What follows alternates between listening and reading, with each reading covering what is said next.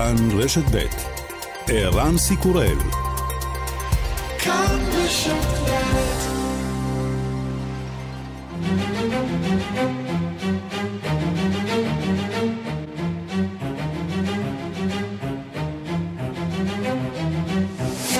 השעה הבינלאומית 30 באוגוסט 2021 והיום בעולם. סופת ההוריקן איידה ממשיכה במסע צפונה לאחר שהכתה הלילה בדרגה 4 בלואיזיאנה. בשעות הקרובות יצאו תושבי ניו אורלינס מבתיהם למציאות אחרת לחלוטין. ראשת העירייה ליוטה קנטרל קוראת לתושבים להמשיך להתגונן. We need you all to remain sheltering in place throughout the evening. It's vitally important.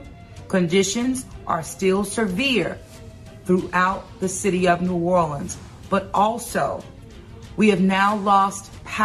אנחנו צריכים שתישארו בבית, זה חיוני, התנאים עדיין חמורים בעיר ניו אורלינס, החשמל בכל רחבי העיר מושבת.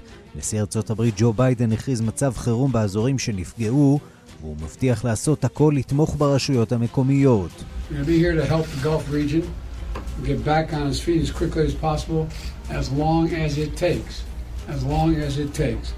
So thank you. And may God protect those in the path of the storm, אנחנו כאן לסייע לאזור המפרץ לעמוד על הרגליים מהר ככל האפשר, לא משנה כמה זמן זה ייקח, שהאל יגן על מי שבחזית הסופה, ובעזרת האל נתגבר על זה. בגרמניה התקיים אתמול העימות הראשון בין שלושת המועמדים לתפקיד הקאנצלר. השאלה הגדולה היא האם תצליח מפלגת השלטון לשמור על הבכורה. הסקרים חוזים כרגע ניצחון דחוק לאולף שוץ, מועמד המפלגה הסוציאל-דמוקרטית. Ja, ich finde, das Wichtigere ist, sehen, wir haben mit der CDU koaliert, als alle anderen weggelaufen sind. Ich finde, das war gut, auch gerade jetzt bei der Bekämpfung der Corona-Krise. ידענו להקים קואליציה עם המפלגה השמרנית, אני יודע שזה היה מהלך טוב, במיוחד במהלך משבר הקורונה. אני רוצה שהקואליציה הזאת תקדם את גרמניה ותביא כבוד לחברה שלנו, תבטיח קדמה כלכלית ותעמוד באחריות המוטלת עלינו כמדינה הגדולה ביותר באיחוד האירופי. נמל התעופה של כבול נתון בשעות האחרונות תחת מתקפת טילים בעוד ניסיון לפגוע בהליך פינוים של האזרחים הזרים והסייענים האפגנים. בתוך כך צבא ארצות הברית תקף רכב, ובו לכאורה מחבלים מתאבדים שתכננו לפגע בנמל התעופה. תשעה אזרחים נהרגו. מדינות המערב ממשיכות במשא ומתן עם הטליבן בניסיון לחלץ את אזרחיהן גם לאחר תאריך היציאה מחר, נשיא צרפת עמנואל מקרו. Disons, si vous voulez avancer et avoir un pays ouvert au reste de la région et du monde, vous devez respecter les règles humanitaires et permettre à toutes les femmes et les hommes qui veulent être protégés de l'être. אם הטליבן רוצה פתיחות מצד העולם, עליו לכבד את האחריות ההומניטרית שלו ולאפשר לכל הגברים והנשים שרוצים בהגנה לקבל אותה. בתוך כך נמשכת הביקורת על יציאה מאפגניסטן. הסנאטור הרפובליקני לינזי גרם הזהיר אתמול We set the conditions for another 9 11. Uh, I've never been more worried about an attack on our homeland than I am right now, and we did not end this war. President Biden said that he wanted to take this Afghanistan off the plate for future presidents. He's done the exact opposite. For the next 20 years, American presidents would be dealing with this uh, catastrophe in Afghanistan. This war has not ended. We've entered into a new deadly chapter. מעולם לא הייתי מודאג מהתקפה על ארצנו כפי שאני מודאג כעת, זה לא סוף המלחמה. הנשיא ביידן אומר שהוא עשה זאת כדי להסיר את אפגניסטן מרשימת האתגרים של הנשיאים הבאים ב-20 השנים הקרובות, אלא שנשיאים אמריקנים התמודדו עם הקטסטרופה הזאת, המלחמה לא נגמרה, היא רק נכנסה לפרק כואב חדש, הטרוריסטים שולטים באפגניסטן, וגם...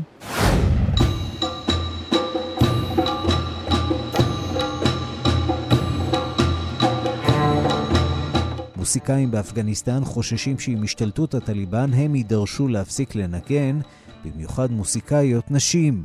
ברקע תזמורת הנשים זהרה שזכתה לתהילת עולם, וקיומה עכשיו לוט בערפל.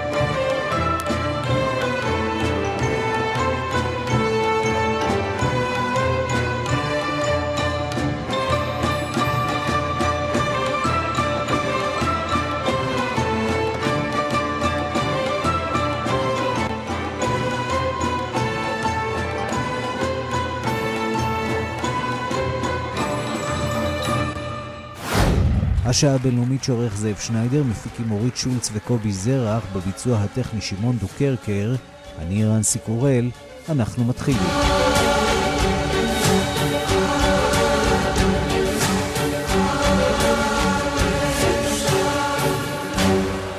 שלום רב לכם ושלום גם לרומן סורקין שמעבר לזכוכית. קצת יותר מיממה לסיום הנסיגה האמריקנית מאפגניסטן, והמצב בבירה כבול ממשיך להיות מתוח. לפנות בוקר שוגרו לעבר נמל התעופה שבו שוהים הכוחות האמריקנים חמש רקטות. שלום לכתב חדשות החוץ יואב זהבי. שלום ערן. אז מי אחראי לשיגור הרקטות? האם אה, דאעש קיי או איזשהו אה, זרם או גורם אחר? בשלב הזה האמריקנים עדיין אה, לא מספקים לנו את המידע הזה, הם בודקים אותו בעצמם. ההערכה היא שמדובר באותו דאעש קיי, באותה שלוחה של דאעש באפגניסטן, אבל נכון לשלב הזה אנחנו עדיין צריכים להיות זהירים ולא להסיק מסקנות. וכל זה, ערן, קורה כשאנחנו פחות מ-48 שעות לתום הנסיגה האמריקנית מאפגניסטן. Uh, המצב בכבול כאמור ממשיך להתערער, לא היו נפגעים, לפי מה שאנחנו יודעים, בשיגור הזה של חמש הרקטות לעבר נמל התעופה בכאבול. אותן רקטות נגיד יורטו על ידי אה, מערכות הגנה אווירית של צבא ארצות הברית שהוצבו בנמל התעופה של כאבול. אה, לפי שעה כאמור לא ידוע מי שיגר אותן. אה, אם זה אכן דאעש קיי, זה אותו ארגון טרור, נזכיר, שביצע את המתקפה הרצחנית בנמל התעופה ביום חמישי, אותה מתקפה שבה נהרגו 175 בני אדם, בהם 13 חיילים אמריקנים. אה, בואו נשמע מה אמר אחד מתושבי כבול, ששמע את הפיצוצים של אותם טילים או יירוטים לפנות בוקר. הנה הדברים. در مداخل خانه اولادا کلگی بوده که فامیلم بسته یک دفعه یک ناچاب یعنی گرم گرم گرم یعنی میجه شد ما کل ما در روی اولی خود انداختم میجه הייתי בבית עם ילדיי, אומר אותו תושב ובני משפחה אחרים, לפתע שמענו כמה פיצוצים, זינקנו מהמקום ונשכבנו על הקרקע. בתמונות ששידרה הבוקר הטלוויזיה האפגנית ניתן היה לראות תושבים מבוהלים מתגודדים סביב רכב שעולה באש. הוא ככל הנראה נפגע מאחת הרקטות הללו. והמתקפה הזאת אה, מגיעה איראן אחרי שאתמול סיכלה ארצות הברית ניסיון פיגוע נוסף בנמל התעופה של כבול. הכוחות האמריקנים תקפו באמצעות מל"ט רכב ובו מטען חבלה או מחבל מתאבד, לא ברור בשלב הזה, שיועד לפגוע בנמל התעופה. ורשת CNN דיווחה הלילה כי בתקיפה הזאת נהרגו תשעה בני משפחה אחת, בהם שישה ילדים, הקטנה שבהן תינוקת בת שנתיים בלבד. אה, בצבא ארצות הברית אומרים שהם ערים לדיווחים הללו ובודקים אותם. בשעות אלה מסיימת ארצות הברית את מבצע הפינוי של אזרחיה וכוחותיה מאפגניסטן. אני רוצה להשמיע אה, עוד דברים שאומר אה, הבוקר אה, תושב כבול. אה, בצל מה שמתרחש, בצל המתיחות המאוד גדולה ששוררת בעיר הבירה האפגנית כעת, בואו נשמע את הדברים האלה. وضعیت خب مردم وحشت زده و ترسیده و همگی در فکر عزیز که آینده افغانستان و باز ایران که המצב מבהיל ומפחיד כרגע, אנשים מבוהלים ודואגים לקראת העתיד, אף אחד לא יודע מה יקרה, וחוששים שהשיגורים כאן, אותם שיגורי טילים, יימשכו בימים הקרובים. זה גם מה שכל הזמן מזהירים גורמי המודיעין במערב בכלל ובארצות הברית בפרט, מתריעים שוב ושוב על אפשרות אה, של אה, מתקפות אה, טרור כלפי הכוחות האמריקנים שנמצאים שם.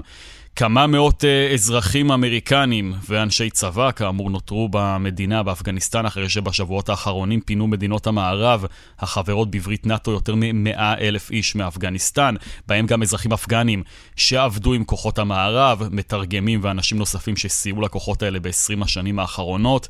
אחרי 20 שנים ערן צפויה ארה"ב לסיים את הנוכחות שלה באפגניסטן בעוד קצת יותר מיממה. זאת בצל האזהרות החמורות של גופי המודיעין האמריקנים למתקפות טרור נוספות.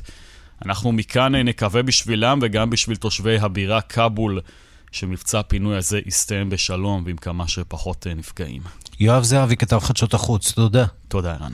ושלום לכתבנו בוושינגטון, נתן גוטמן.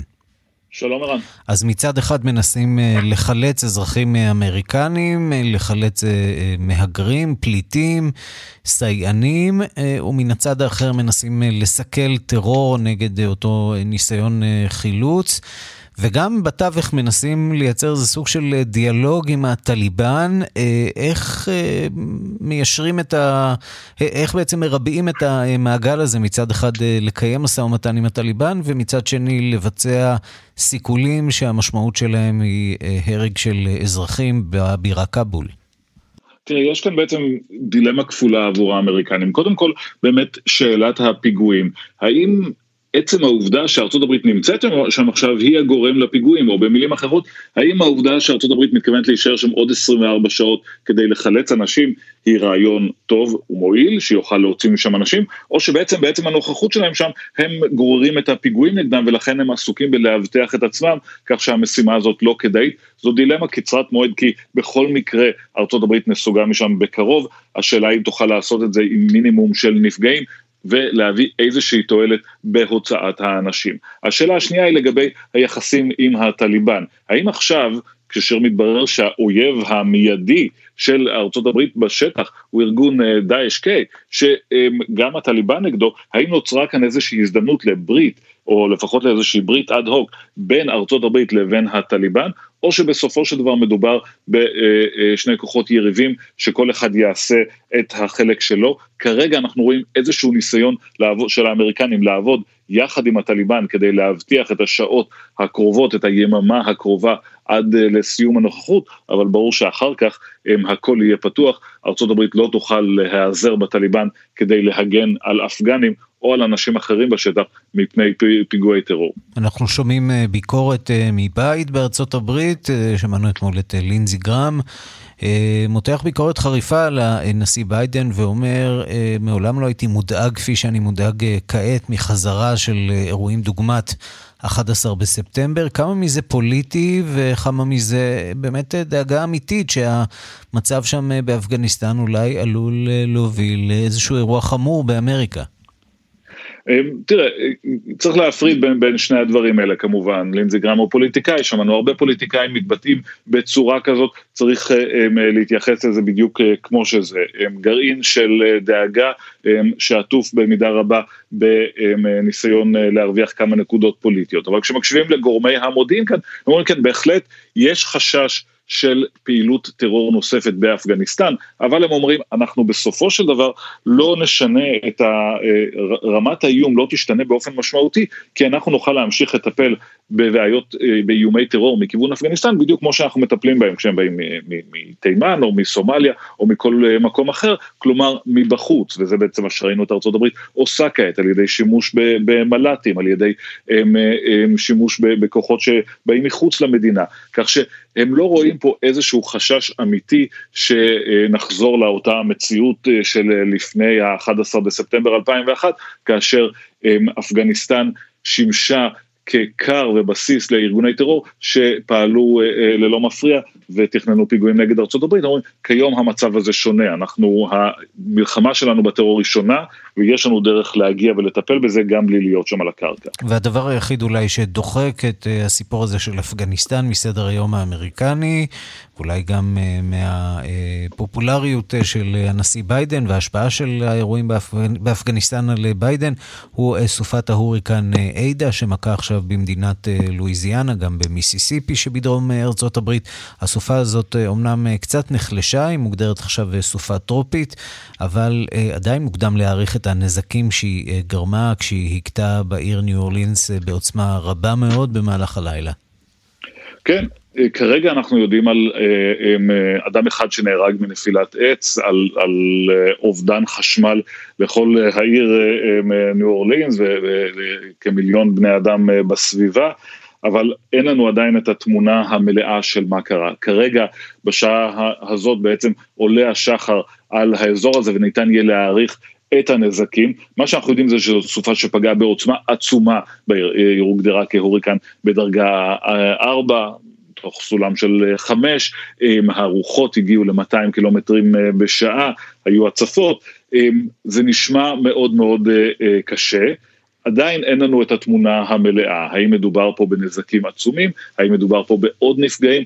או שלא, כרגע הסופה הזאת עוברת, ממשיכה, היא נחלשה כאמור לדרגה של אה, סופה טרופית, שזה לא דבר חלש אה, במיוחד אה, גם כן, ואנחנו רואים שהיא גם מתקדמת מאוד באיטיות, ולכן הגשמים האלה שהיא מביאה גורמים להצפות, נצטרך להמתין ולראות, יש הרבה השוואות אה, כמובן לקטרינה שאירע בדיוק אה, לפני 16 שנים, ולפחות בינתיים אפקט קטרינה לא קרה, כלומר הסכרים והמחסומים שאמורים להגן על העיר ניו אורלינס כנראה עמדו אה, בלחץ הזה, אבל בכל זאת הרבה רגעים של דרמה במהלך אה, הלילה שם. הנה למשל אה, דברים שאמר ראש העיר לפיד, טים קרנר, טים קרנר, שקרא אה, לעזרה בחילוץ כאשר היו כ-200 איש לכודים בעירו אה, נוכח ההצפות האלה, הנה קטע מהדברים שלו. It over top seven and a half feet. You know, that was the, that was the final dagger. Oh. You know, it, it really turned into a rescue mission, and also that we had to we had to try to save what was left of the town, where the, the people these kids go to school and uh, where they get ma- married here, and, and uh, where so many people live, and uh, like hell to save in the levee protection. But at the end, uh, the the water just won out. We've never in the history of Lafitte, we suffered bad flooding, but we've, we've never seen water like this. It's the worst storm in our history. מעולם בהיסטוריה של העיר שלנו לא ראינו כמויות כאלה של מים, אומר ראש העיר לפית, הוא אומר הם הגיעו לגובה של יותר משני מטרים, קראנו לעזרה, לחילוץ, כדי לאפשר לאנשים לצאת. מאוד סביר שהמראות האלה קרו בהרבה מקומות במהלך הלילה, ורק צריך לקוות שכאשר המים עכשיו ירדו קצת והשמש תעלה, אנחנו לא נתעורר למציאות של נזק עצום, אלא רק של נזק רגיל יחסית מסופה כזאת, את זה נדע בשעות הקרובות. נתן גוטמן, כתבנו בוושינגטון, תודה. תודה רבה. ועכשיו אנחנו ממהרים לניו אורלינס לשמוע איך זה נראה שם ממש מהשטח. שלום לדוב גלאזר. צהריים טובים, ערן. עכשיו בניו אורלינס זה שעה 6.20 והשמש עוד לא זורחת. יש פה קצת רוח, אבל uh, המצב uh, לא נורא מאיפה שאנחנו גרים, אנחנו באמצע ניו באמצע העיר, uh, לא, אין לנו חשמל, uh, אבל הרבה גשם לא ירד פה, אבל uh, אני נזכר עכשיו לפני uh, 16 שנה, לפני, uh, באותו יום, בדיוק 16 uh, שנה, דיברתי עם כל ישראל, mm-hmm. בדיוק עד היום, uh, אנחנו, אנחנו uh, אני ואשתי, הילדים שלי ואימא שלי, בת 90, היינו במכונית, נסענו, עזבנו את העיר בגלל שהיה חובה לעזוב את העיר, mm-hmm. ונסענו לסן אנטוניו בטקסס. זה לקח לנו 24 שעות מניו אורלינס להגיע לסן אנטוניו. הפעם החלטנו לא לעזוב את העיר, בגלל שלא היה מספיק זמן. פעם אחת מגיע, זה לקח... כמה ימים, בגלל שהתחיל, קטרינה התחילה באפריקה ועברה אחרי שבוע. אתה אומר הכל פה היה אה, הרבה הרבה יותר מהיר והרבה יותר קשה אה, להתכונן אה, לאירוע הזה, ולכן רבים נותרו בניו אורלינס. אז כמו שאתה אומר, זה אולי נראה קצת פחות גרוע, אולי הרבה פחות גרוע מכפי שנראתה סופת ההוריקן קטרינה, שעיקר הפגיעה שלה הייתה באמת באותם סכרים שבסופו של דבר הציפו את העיר. תאר לנו איך אה, נראה הלילה שלכם, איך, אה, איך זה נראה לעבור הוריקן בדרגה 4. זה 4 בתוך 5, 5 זה הכי גרוע שאי אפשר, אה, שאי פעם יכול להיות. מבחינתנו, אנחנו בדירה פה בבניין של 140 דירות, אני בקומה החמישית, ולפני הבית שלנו יש עץ ענק live oak, והוא במשך הלילה רוקד לפנינו, כמעט, כמעט נשבר, אבל לא נשבר, לא נפל שום דבר. הבעיה העצומה פה זה שאין חשמל, אז הבית שלנו, אין לנו חלונות של נצפחים, ואין לנו מיזוג אוויר, אין, אין פה מספיק אוויר, החום גבוה מאוד, ופשוט לא נעים. אבל מבחינתנו אה, לא היה הרבה גשם, אה, לא היה הרבה גשם, היה הרבה הרבה רוח בתוך העיר, אבל גשם לא נכנס אה, לפנינו, לא היה שיטפון בתוך העיר איפה שאנחנו גרים. השיטפון שנגרם זה, זה ביותר מדרומה, איפה שאין כיסוי מהלוויז. אבל בעיר עצמה, הבעיה עצמה, וכנראה שיש פליות בעצומה, ואין חשמל. במקרה יש לנו אינטרנט בגלל שיש אה, על, על ה-cellular phones, ה-cellular towers, הם, הם על בטריות עכשיו, אבל זה יכול גם להיגמר, אז אני לא יודע עד כמה זמן יהיה לנו אפשרות להתקשר עם המשפחה ועם העולם. טוב, לפחות עכשיו המשפחה והעולם שמעו שאתם בסדר, שעברתם לפחות את הגל הראשוני. איך זה ייראה שם בחוץ? אתם תצאו, אני מניח, היום לראות את ממדי הנזק וההרס, או שמעדיפים להקשיב למה שאומרת ראשת העיר, להישאר בבית עוד קצת? טוב, עכשיו, השידור שלה היה אתמול. כרגע עכשיו השמש מתחילה להביא אור קצת, אז אפשר לראות. אני מסתכל על הכביש, אין פה מכוניות, שום דבר, אין, אין, לא, אין תזוזה על הכביש, על פי רוב העיר היה עד עכשיו הרבה יותר תנועה, עכשיו אין שום דבר. אני, אני שומע שיש עצים שנפלו על הרבה כבישים וסגרו את, ה, סתמו את, ה, את הכבישים כך שאי אפשר לעבור בהם. אנחנו נראה מה המצב, אני, אני מתכונן עם המשפחה שלי לעזוב את העיר ולנסוע עוד פעם או לטקסס או לפלורידה, כדי איפה שיהיה חשמל ושנוכל לחיות קצת חיים נורמליים, אני מקווה. צריך להגיד שהסופה הזאת פוקדת את לואיזיאנה בעיצומו של משבר תברואתי אחר. הזכרנו שאתה רופא שיניים, אז אתה גם מבין היטב בהיבטים הרפואיים של הסיטואציה שלואיזיאנה נמצאת בה כעת, כמובן משבר הקורונה. היה חשש גדול בבתי החולים כיצד הם מתמודדים מצד אחד עם הגל העצום הזה של הדלתא ומצד שני עם נפגעי הטראומה מסופת ההוריקן, נכון? נכון מאוד, אני, אני, המשרד שלי, קמפוס של בית החולים טורו, בית חולים, בית חולים יהודי, ב, הם סגרו את, ה, את הבית חולים, אי אפשר להיכנס ואי אפשר לצאת מהבית חולים כרגע, אבל uh, uh, המצב מאוד חמור מבחינת בריאות. עם אחר, uh, הרוח גרמה לגג לעוף ונכנסו מים לתוך הבית חולים, וזה... זה, זה בהחלט מטריד. דוב גלזר, הקו. מתחיל להשתבש לנו לאט לאט, אבל אנחנו שמחים שהצלחנו ליצור איתך קשר שם בניו אורלינס. אנחנו שמחים שאתם בסדר ומקווים שתצאו משם כמה שיותר מהר, אולי להרוויח כמה ימים שקטים יותר עד שניו אורלינס תחזור לשגרה. דוב גלזר, רופא שיניים שמתגורר בניו אורלינס. מי שחווה גם את סופת ההוריקן קטרינה, כמו שאר התושבים שם. תודה רבה לך על הדברים. רב צודקמן. השעה הבינלאומית וסופות הוריקן זו לא הבעיה היחידה של דרום ארצות הברית, שם מתריעים. בעוד ימים ספורים אנחנו עלולים להישאר בלי חמצן כדי לטפל בנפגעי הקורונה.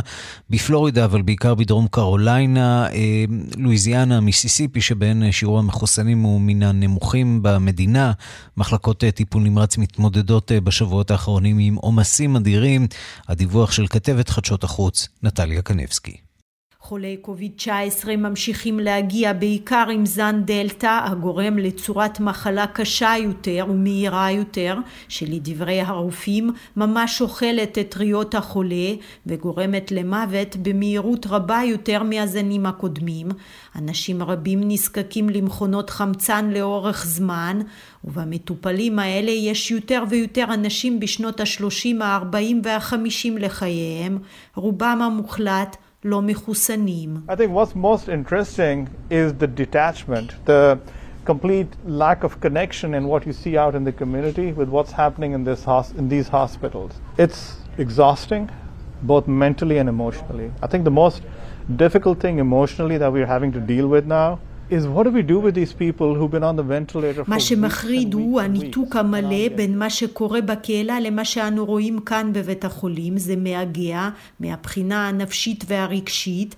הסוגיה הרגשית הקשה ביותר שאיתה אנו מתמודדים כעת היא השאלה מה עלינו לעשות עם כל החולים האלה שמחוברים למכונות חמצן מלפני שבועות רבים ושמצבם אינו משתפר, סיפר ל-CNN דוקטור ליג'ל באבר ממחלקת טיפול נמרץ ריאות בבית החולים בעיר פסקגולה במדינת מיסיסיפי. ג'ניפר מקדייוויד, אחות בטיפול נמרץ באותו בית החולים, אמרה מצידה, זן דלתא פשוט הורג אותנו. It's killing us. It's killing our residents, it's killing our demographics, it's killing the staff emotionally. It's a complete overwhelming situation. זה הורג את התושבים שלנו, זה הורג את הצוותים הרפואיים מהבחינה הרגשית, המצב הוא ממש קשה, דברי האחות. לפי הנתונים של מכון ג'ון הופקינס, בכל יום בין 20 ל-26 באוגוסט נרשמו בארצות הברית יותר מ-690 מקרים חדשים של קורונה ל-100 אלף תושבים.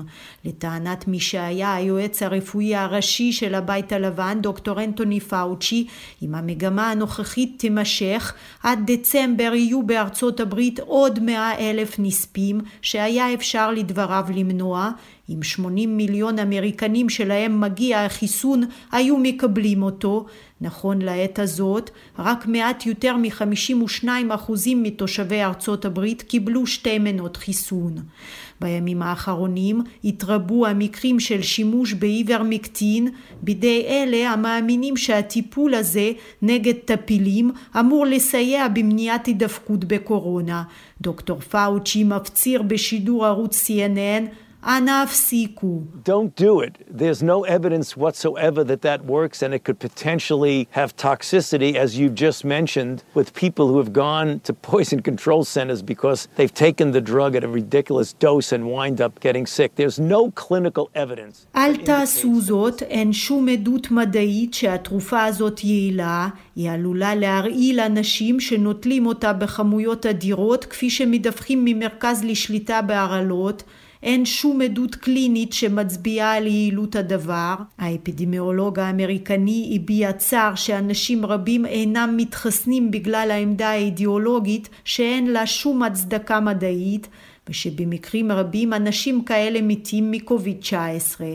ובאשר למקורותיו של הנגיף, הקרב האידיאולוגי ממשיך גם הוא, כלי התקשורת בסין נשמעים תוקפניים יותר ויותר כלפי ארצות הברית, והטענה שהנגיף הוא תוצר של המעבדה בווהאן. 瑞平指出，中方一贯支持科学溯源，但既然美方抓着实验室泄露的说法不放，那他就应遵照。סין תומכת באיתור המקורות המבוסס על מדע, לכן, לפי עקרון השוויון וההגינות, אם ארצות הברית ממשיכה לקדם את תיאוריית המעבדה, היא חייבת לאפשר חקירה במעבדות הביולוגיות שלה, מציע הקריין הסיני. Thank you.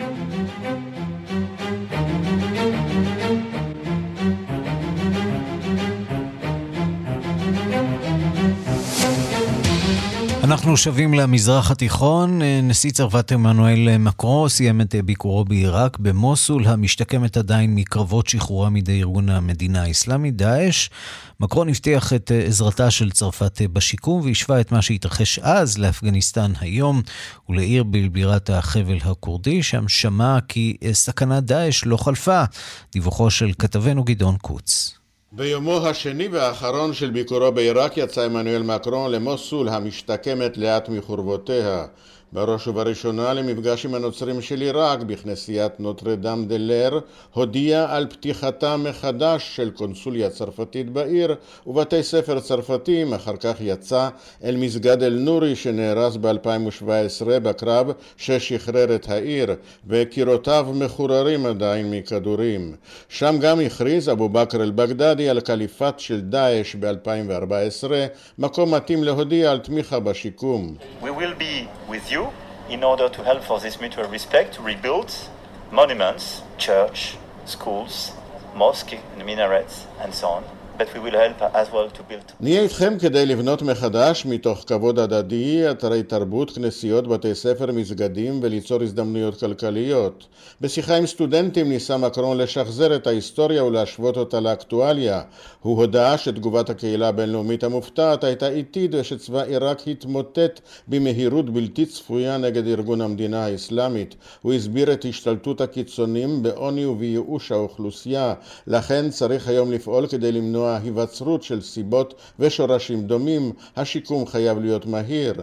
נשיא החבל הכורדי האוטונומי, נשירבן ברזני, טרח להזכיר לו. اما العراق پێویستیمان بە یارمەتی بۆ بەرنگاربوونەوەی داعش کە هێشتا لە عێراق و ناوچەکە و لە جیهانیش مەترسیەکی ڕاستەقینەیە پێویستیمان بە یارمەتی بۆ چەسپاندنی سەقامگی אנו זקוקים לתמיכה נגד דאעש, המאיים עדיין ברצינות על עיראק, האזור והעולם.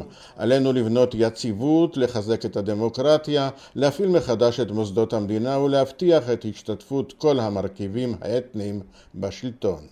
כאן גדעון קוץ.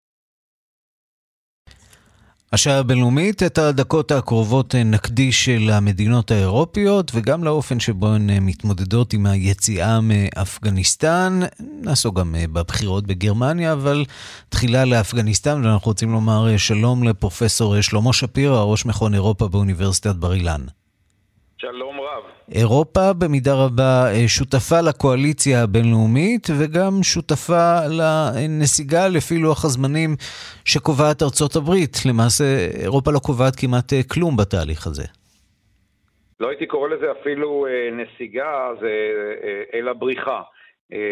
מנהיגי אירופה נתפסו בפתאומיות רבה להצלחה של הטליבן להשתלט תוך שישה ימים על כל אפגניסטן, דבר ששירותי המודיעין שלהם עצמם העריכו שהאפגנים יכולים להילחם כשנתיים בטליבן.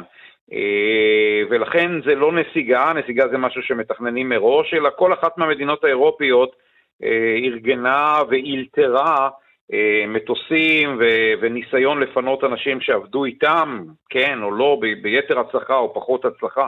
אבל השוק באירופה אה, היה גדול, וכך גם הציפייה לגל פליטים חדש מאפגניסטן, שיגיע בוודאי בחודשים הקרובים לאירופה. אתה יודע, אני בקשר בימים האחרונים עם משפחה שנמצאת באפגניסטן. הם למעשה סייענים של אחת ממדינות המערב. הובטח להם לצאת, יש להם את כל הניירות, את כל המסמכים. אבל בפועל זאת הופכת למשימה כמעט בלתי אפשרית. נראה שהמדינות האירופיות לא באמת נערכו, או לא באמת רוצות, או לא באמת יכולות לחלץ את כל מי שהם הבטיחו לחלץ. אני מעריך שהיו תוכניות מגירה יפהפיות ומצוינות, עם מספרים, נקודות מפגש, עם תעודות מעבר וכן הלאה. אבל לא רצו להפעיל אותם עד שהיה מאוחר מדי. החשש שבמערב היה שהפעלת תוכניות פינוי של אותם סייענים למעשה יראה, יחשוף את חולשת משטרו של הנשיא גני, שברח בסופו של דבר, וחיכו, לצערנו, כמו שקרה גם בזמנו ב-1975 בווייטנאם, חיכו יותר מדי. וברגע שהטליבן השתלטו על כל העיר כבול, כבר לא ניתן היה להפעיל אף אחת מהתוכניות היפות האלה, אלא רק לאלתר. ועכשיו האירופים מנסים לנהל איזה סוג של משא ומתן עם הטליבן כדי להוציא באמת את אותם אזרחים וגם את האזרחים שלהם שעדיין נמצאים באפגניסטן. סוג של דיל חילוץ תמורת נורמליזציה. האם יש כוונה למדינות אירופה להכיר במשטר הטליבן? הדבר העצוב הוא שבאמת לטליבן לא אכפת בכלל שאותם אנשים, אלפי אנשים, מפונים בימים האחרונים מאפגניסטן. וזה עצוב לאפגניסטן עצמה, כי מצד אחד צריך להציל את החיים של אותם אנשים, מצד שני, זה כל האנשים שהיו יכולים להוות איזושהי אופוזיציה לטליבן. עורכי דין, רופאים, מהנדסים, בעלי מקצועות חופשיים, כולם בורחים, ומי נשארים? העניים, שמשלמים כמובן תמיד את המחיר. הטליבן רוצה שהאנשים האלה יפונו. הרי אם הטליבנים היו רוצים, היו מפסיקים את הפינוי תוך חצי שעה מהרגע שהגיעו לכבול. היו סוגרים את שדה התעופה, יורים כמה רקטות וזהו. הם רוצים שהאנשים האלה יצאו מאפגניסטן, שלא יפריעו להם לעשות מה שהם רוצים. האינטליגנציה, אתה אומר, מאיימת עליהם. לגמרי, לגמרי. הם לא רוצים את האנשים האלה שהתרגלו ב-20 שנה האחרונות לציפייה של שותפות בשלטון. אמנם לא דמוקרטיה כמו שאנחנו מכירים, אבל הייתה ציפייה מסוימת, השתתפות מסוימת. הטליבן אומרים, יאללה שהאנשים האלה יסתלקו מכאן, תנו להם להתפנות, ואנחנו נשארים עם המסכנים שנוכל לדכא אותם כמו שעשינו בעבר. למרות שבאופן רשמי מה... הטליבן אומר, אנחנו גם מעניקים חנינה ואנחנו גם זקוקים לכל האנשים האלה. לכאורה, באופן רשמי הם אומרים, אנחנו מוטרדים מבריחת המוחות מכל הרופאים והמהנדסים ואנשים שחשוב שיהיו באפגניסטן כדי לאפשר איזה סוג של קיום מדינתי תחת שלטון הטליבן. כל אחד שראה את האכזריות של הטליבן בציבור לפני 20 שנה, את ההוצאות להורג באיצטדיונים, את התליות של אנשים בכל רחוב, לא יכול לפקפל אלא לפקפק באותה חנינה מפוקפקת שהציעו או לא הציעו. וברור שאנשים לא מאמינים לטליבן, מי שיכול מנסה להציל את עורו, מנסה להציל את משפחתו ולא להסתמך על איזושהי הגנה של הטליבן, שהיום אולי תקפה כי הם רוצים להיראות בתקשורת כבחורים נחמדים, אבל תוך כמה חודשים, כאשר הם באמת השלטון שלהם יציב לגמרי והם הצליחו לפרק את הנשק מהאוכלוסייה, הם יכולים לעשות מה שהם רוצים. פרופסור שפירא, אני רוצה להשתמש במומחיות שלך אה, דווקא בתחום הביון. אנחנו שומעים את האמריקנים אומרים, אה, יש לנו יכולת לנהל את המאבק הזה בלי אה, boots on the ground, בלי להיות בשטח. יש לנו מטוסים ללא טייס, יש לנו יכולת לעקוב אחר התקשורת האלקטרונית. עד כמה זה נכון? עד כמה אפשר למנוע, לסכל פיגועים במערב? בלי שנמצאים בשטח באפגניסטן? האמריקאים צודקים במידה מסוימת, ואנחנו יודעים את זה מהניסיון הישראלי של הנסיגה מעזה. כאשר כוחות צה"ל נסגו מעזה, למעשה יצאו לגמרי מרצועת עזה, לפני כ-15 שנה כבר כמעט. והפעילות של השב"כ בתוך עזה אה, הייתה מאוד אינטנסיבית עד הנסיגה. היו צריכים למצוא דרך אה, לעשות את כל העבודה המודיעינית מבחוץ ולא מבפנים. והנה זה עובד, מצליחים אה, למנוע הרבה אה, פיגועים, אה, רמת המידע של המודיעין הישראלי על החמאס היא בוודאי מאוד מאוד עמוקה. האמריקאים לפי הלקח הזה יצליחו גם לפתח יכולות בתוך אפגניסטן. אין ספק שהם גם השאירו הרבה מקורות מודיעיניים שלהם עצמם, בתקווה שהם ימשיכו לעבוד גם עבור האמריקאים, גם לאחר הנסיגה. פרופסור אה, שפירא, אתה נשאר איתנו אה, עוד כמה דקות. אנחנו רוצים לשמוע דיווח של כתבתנו באירופה, אנטוניה ימין, על העימות שהיה אתמול בגרמניה, ואז אולי תוכל גם להשיב על שאלה או שתיים בנושא הזה. שלום, אנטוניה. שלום ערן. עימות ראשון בין שלושת המועמדים והמועמדת לתפקיד הקאנצלר או הקאנצלרית. אה, מה נאמר, זה לא עימותים בארצות הברית, אה, אפילו קצת מעורר פיהוק. אה, לחלוטין, למרות שאותי זה אפילו שישע בחלק מהזמן. לא, לא רק פייקתי. למה? אבל באמת, אם, אתה יודע, אם מישהו ציפה שה, שהעימות כאן בגרמניה ייראה איכשהו כמו בארצות הברית, או אפילו כמו איך שנראה קמפיין בחירות בישראל, אז אתמול נוכחנו לדעת שזה בדיוק ההפך. העימות הגדול, הראשון בעצם, בדיוק ארבעה שבועות לפני הבחירות לבונדסטאג, נפתח בשאלה הזאת. מה אתה יכול לומר על המועמד השני? למה הוא לא יכול להיות קאנצלר? כלומר, זה הזמן להוציא את כל הרפש. ופשוט כל, כל המועמדים סרבו לענות על השאלה הזאת. Hmm. אחד מהם אפילו, אולף שולץ, אה, מנהיג ה-SPD, אמר, אה, אני לא חושב שבגרמניה אנחנו עושים את הדברים האלה אה, בצורה הזאת, ואני חייבת לומר, זו הייתה התחלה, זו הייתה ההתחלה של העימות, עימות של מעל כמעט שעתיים. וככה הוא התחיל. אה, צריך לומר, אחר כך באמת אה, היו קצת אה, תקיפות, במיוחד מצד ארמין לקשט, הוא מועמד מפלגת השלטון, מפלגת הצדאות, צריך לומר, הוא ירד מאוד מאוד קשה בסקרים בימים האחרונים, והוא באמת הרגיש צורך להיות הרבה יותר תקיף, עד כדי כך תקיף שבשלב מסוים הוא אפילו ביקר את ממשלת גרמניה, אני מזכירה, הוא יושב בממשלה של אנגלה מרקל, בואו נשמע מה שהוא אמר. Ein Desaster des Westens, auch ein Desaster der Bundesregierung, Weil seit April war klar, dass die Amerikaner abziehen Und wir haben dann in den letzten Tagen diese großen Aktivitäten. לאשט בעצם מדבר כאן על הסיפור באפגניסטן, הוא אומר מדובר ב disaster של המערב, disaster של ממשלת גרמניה. מאז אפריל היה ברור שהאמריקנים עוזבים, ומאז אנחנו רואים את הפעולות בימים האחרונים. אני לא רוצה להאשים אף שר בממשלה, אבל כל הקדימה אחורה הזה, לפני שמקבלים כאן החלטה, זה לא ימשיך לקרות בעתיד אם אני אהפוך להיות קאנצלר. אני מזכירה, בעימות הזה עומד גם אולף שולץ הוא שר האוצר וגם אה, סגן הקאנצלרית. או במילים אחרות, הקרב הזה הוא בין אה, שתי, בעיקר בין שתי מפלגות ששתיהן נמצאות אה, באותה קואליציה, וזה אולי מסביר לנו מדוע אין פה עימות ישיר וחזיתי, כיוון ששניהם יודעים שבסופו של דבר ביום שאחרי יש סיכוי טוב שהם יצטרכו להמשיך את ממשלת האחדות של אנגלה מרקל. נכון, למרות שיש סיכוי, לפחות לפי הסקרים האחרונים, כרגע הסיכוי שארמין לאשט יהפוך להיות הקאנצלר הבא, הוא לפחות כבר לא עד כדי כך בטוח. באמת אולף שולץ ממפלגת אה, האספד ככה צובר תאוצה.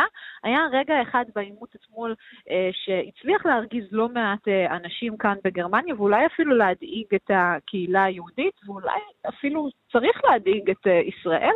זה כאשר אולף שולץ ממפלגת האספד פשוט סירב לענות על השאלה האם הוא מתכוון לשבת עם מפלגת די לינקה, זו מפלגת השמאל הקיצוני בגרמניה, מדובר במפלגה אה, שהיא מאוד אה, אה, עוינת את אירופה, עוינת את הנאט"ו, עוינת את הצבא הגרמני, ואתה יכול לתאר לעצמך שהיא גם לא הכי פרו-ישראלית.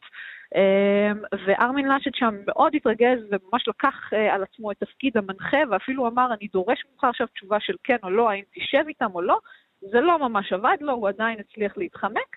עוד אה, אספקט שאולי חשוב להזכיר, אה, אנלנה באבוק, מועמדת הירוקים, אני מזכירה בחודש מאי, ממש אה, כמעט המדיה הבינלאומית הכתירה אותה בתור הקאנצלרית הבאה, היה שם ממש מומנטום חזק, היא הייתה מאוד מאוד גבוה בסקרים, בכל זאת אישה בת 40, אג'נדה, אג'נדה סביבתית, לכאורה בדיוק מה שהעולם או מה שאירופה אה, צריכים כעת, אבל אז, אז היא עשתה לא מעט אה, טעויות בקמפיין שלה, היא גם זייפה את קורות החיים שלה, אה, גם ציטטה בתוך הספר שהיא כתבה כל מיני מקורות ולא נתנה קרדיט, כלומר בדיוק הדברים הללו שפוליטיקאים ישנים עושים ולא מצפים מאישה שאמורה להיות הדבר הבא, אבל הנה אתמול בעימות דווקא ראינו שהיא באמת מצליחה להתעמת איתם כמו שצריך, צריך לומר, בעיקר בגלל שדיברו שם לא מעט גם על משבר האקלים, ובסופו של דבר זה באמת הפורטה שלה.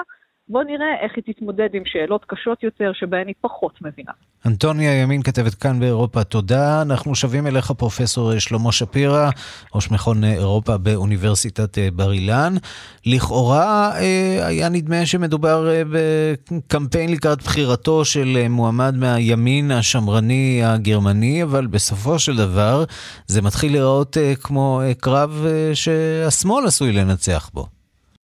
ממש כך. אה, כל הקלפים פתוחים, הכל פתוח ולא ניתן יהיה לדעת באמת שום דבר עד הלילה של uh, uh, סיום הבחירות. זה סיפור של אידיאולוגיה או של המנהיגים או הכריזמה או חוסר הכריזמה של שני המנהיגים? הרבה, הרבה פחות אידיאולוגיה והרבה יותר האישיות של, של המועמדות והמועמדים השונים. Uh, המפלגות בגרמניה למעשה מדברות ומנגנות על אותו כינור. בנושא אידיאולוגי, קשה, האדם ברחוב לא, לא יכול לעמוד אולי על אה, חמישה הבדלים משמעותיים. כולם מדברים על האקלים ושצריך להציל את האקלים בעולם, וכולם מדברים על הפליטים, ומנגנים את אותם ניגונים. אבל uh, הגרמנים רגילים ל-16 שנות שלטון של קנצלרית, הקנצלרית מרקל, uh, מאוד בולטת, מאוד uh, uh, ברמה הבינלאומית, לא רק ברמה המדינתית, עם ידיים על הדופק. ועבור דור שלם של גרמנים, זה הפעם הראשונה למעשה שהם מצביעים על מי יהיה חדש בהנהגה. כלומר, בכל הבחירות הקודמות, 16 שנה, היה ברור שמרקל תנצח, והשאלה הייתה רק אם היא תשב עם זה או תשב עם ההוא וכן הלאה, כמו שהיה גם אצלנו הרבה שנים. היום הכל פתוח, הכל על השולחן, ויהיה מאוד מעניין אה, לראות את הקואליציה שתקום. כן, וזאת הסיבה כנראה שהמנהיגים, שאף אחד אה, לא רוצה להגיד עם מי הוא לא יושב, כיוון שאתה יודע, לך תדע, כולם אה, עלולים למצוא את עצמם באיזה סיטואציית נפתלי בנט כזאת, עם הרכבת קואליציה שהם לא ציפו להקים בסופו של דבר. פרופסור שלמה שפירא, ראש מכון אירופה באוניברסיטת בר אילן, תודה רבה לך על הדברים. תודה לכם. ושלום למשה מורד, עורך ומגיש רדיו מונדו בכאן תרבות.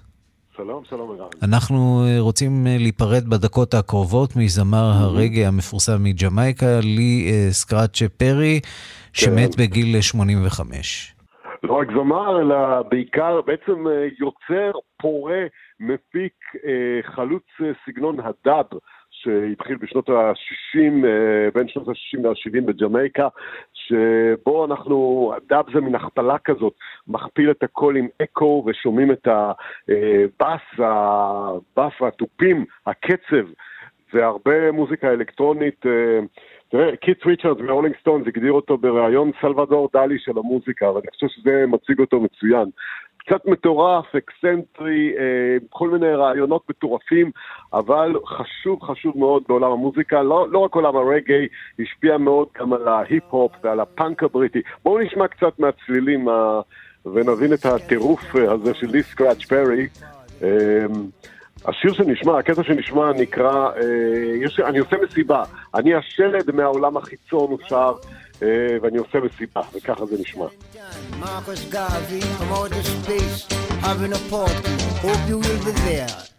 Have a good time. Punk your punk. Drink your drink. Wink your wink and think you think. הנה אנחנו שומעים את הקצב, הדיבור על רקע הקצב, ממש סגנון שהוא התחיל איתו והפך להיות, אחרי זה אנחנו שומעים את זה במוזיקה של רבים וטובים. אה, הוא עבד כמובן עם בוב מרלי בזמנו, הספיק גם להסתכסך איתו אז, אה, ואחרי זה עם גדולים וטובים מתחומים שונים, להקת הקלאש הבריטית ועוד ועוד. טוב, יש מי שמגדירים אותו הנשמה של הרגעי. כן, בדיוק. בוב מרלי הפנים של הרגעי, וכן.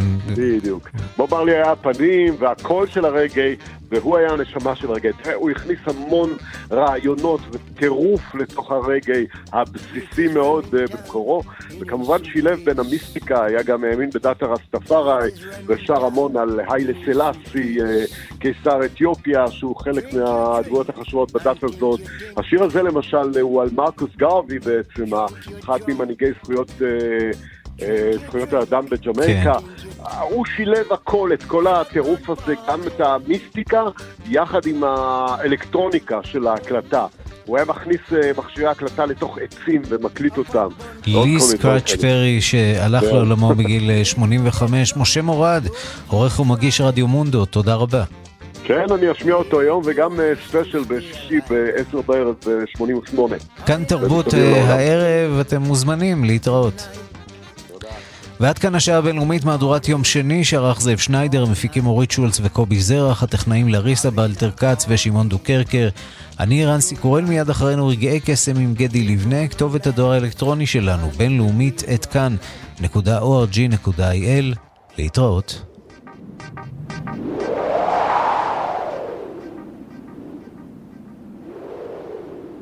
It's gonna last until the light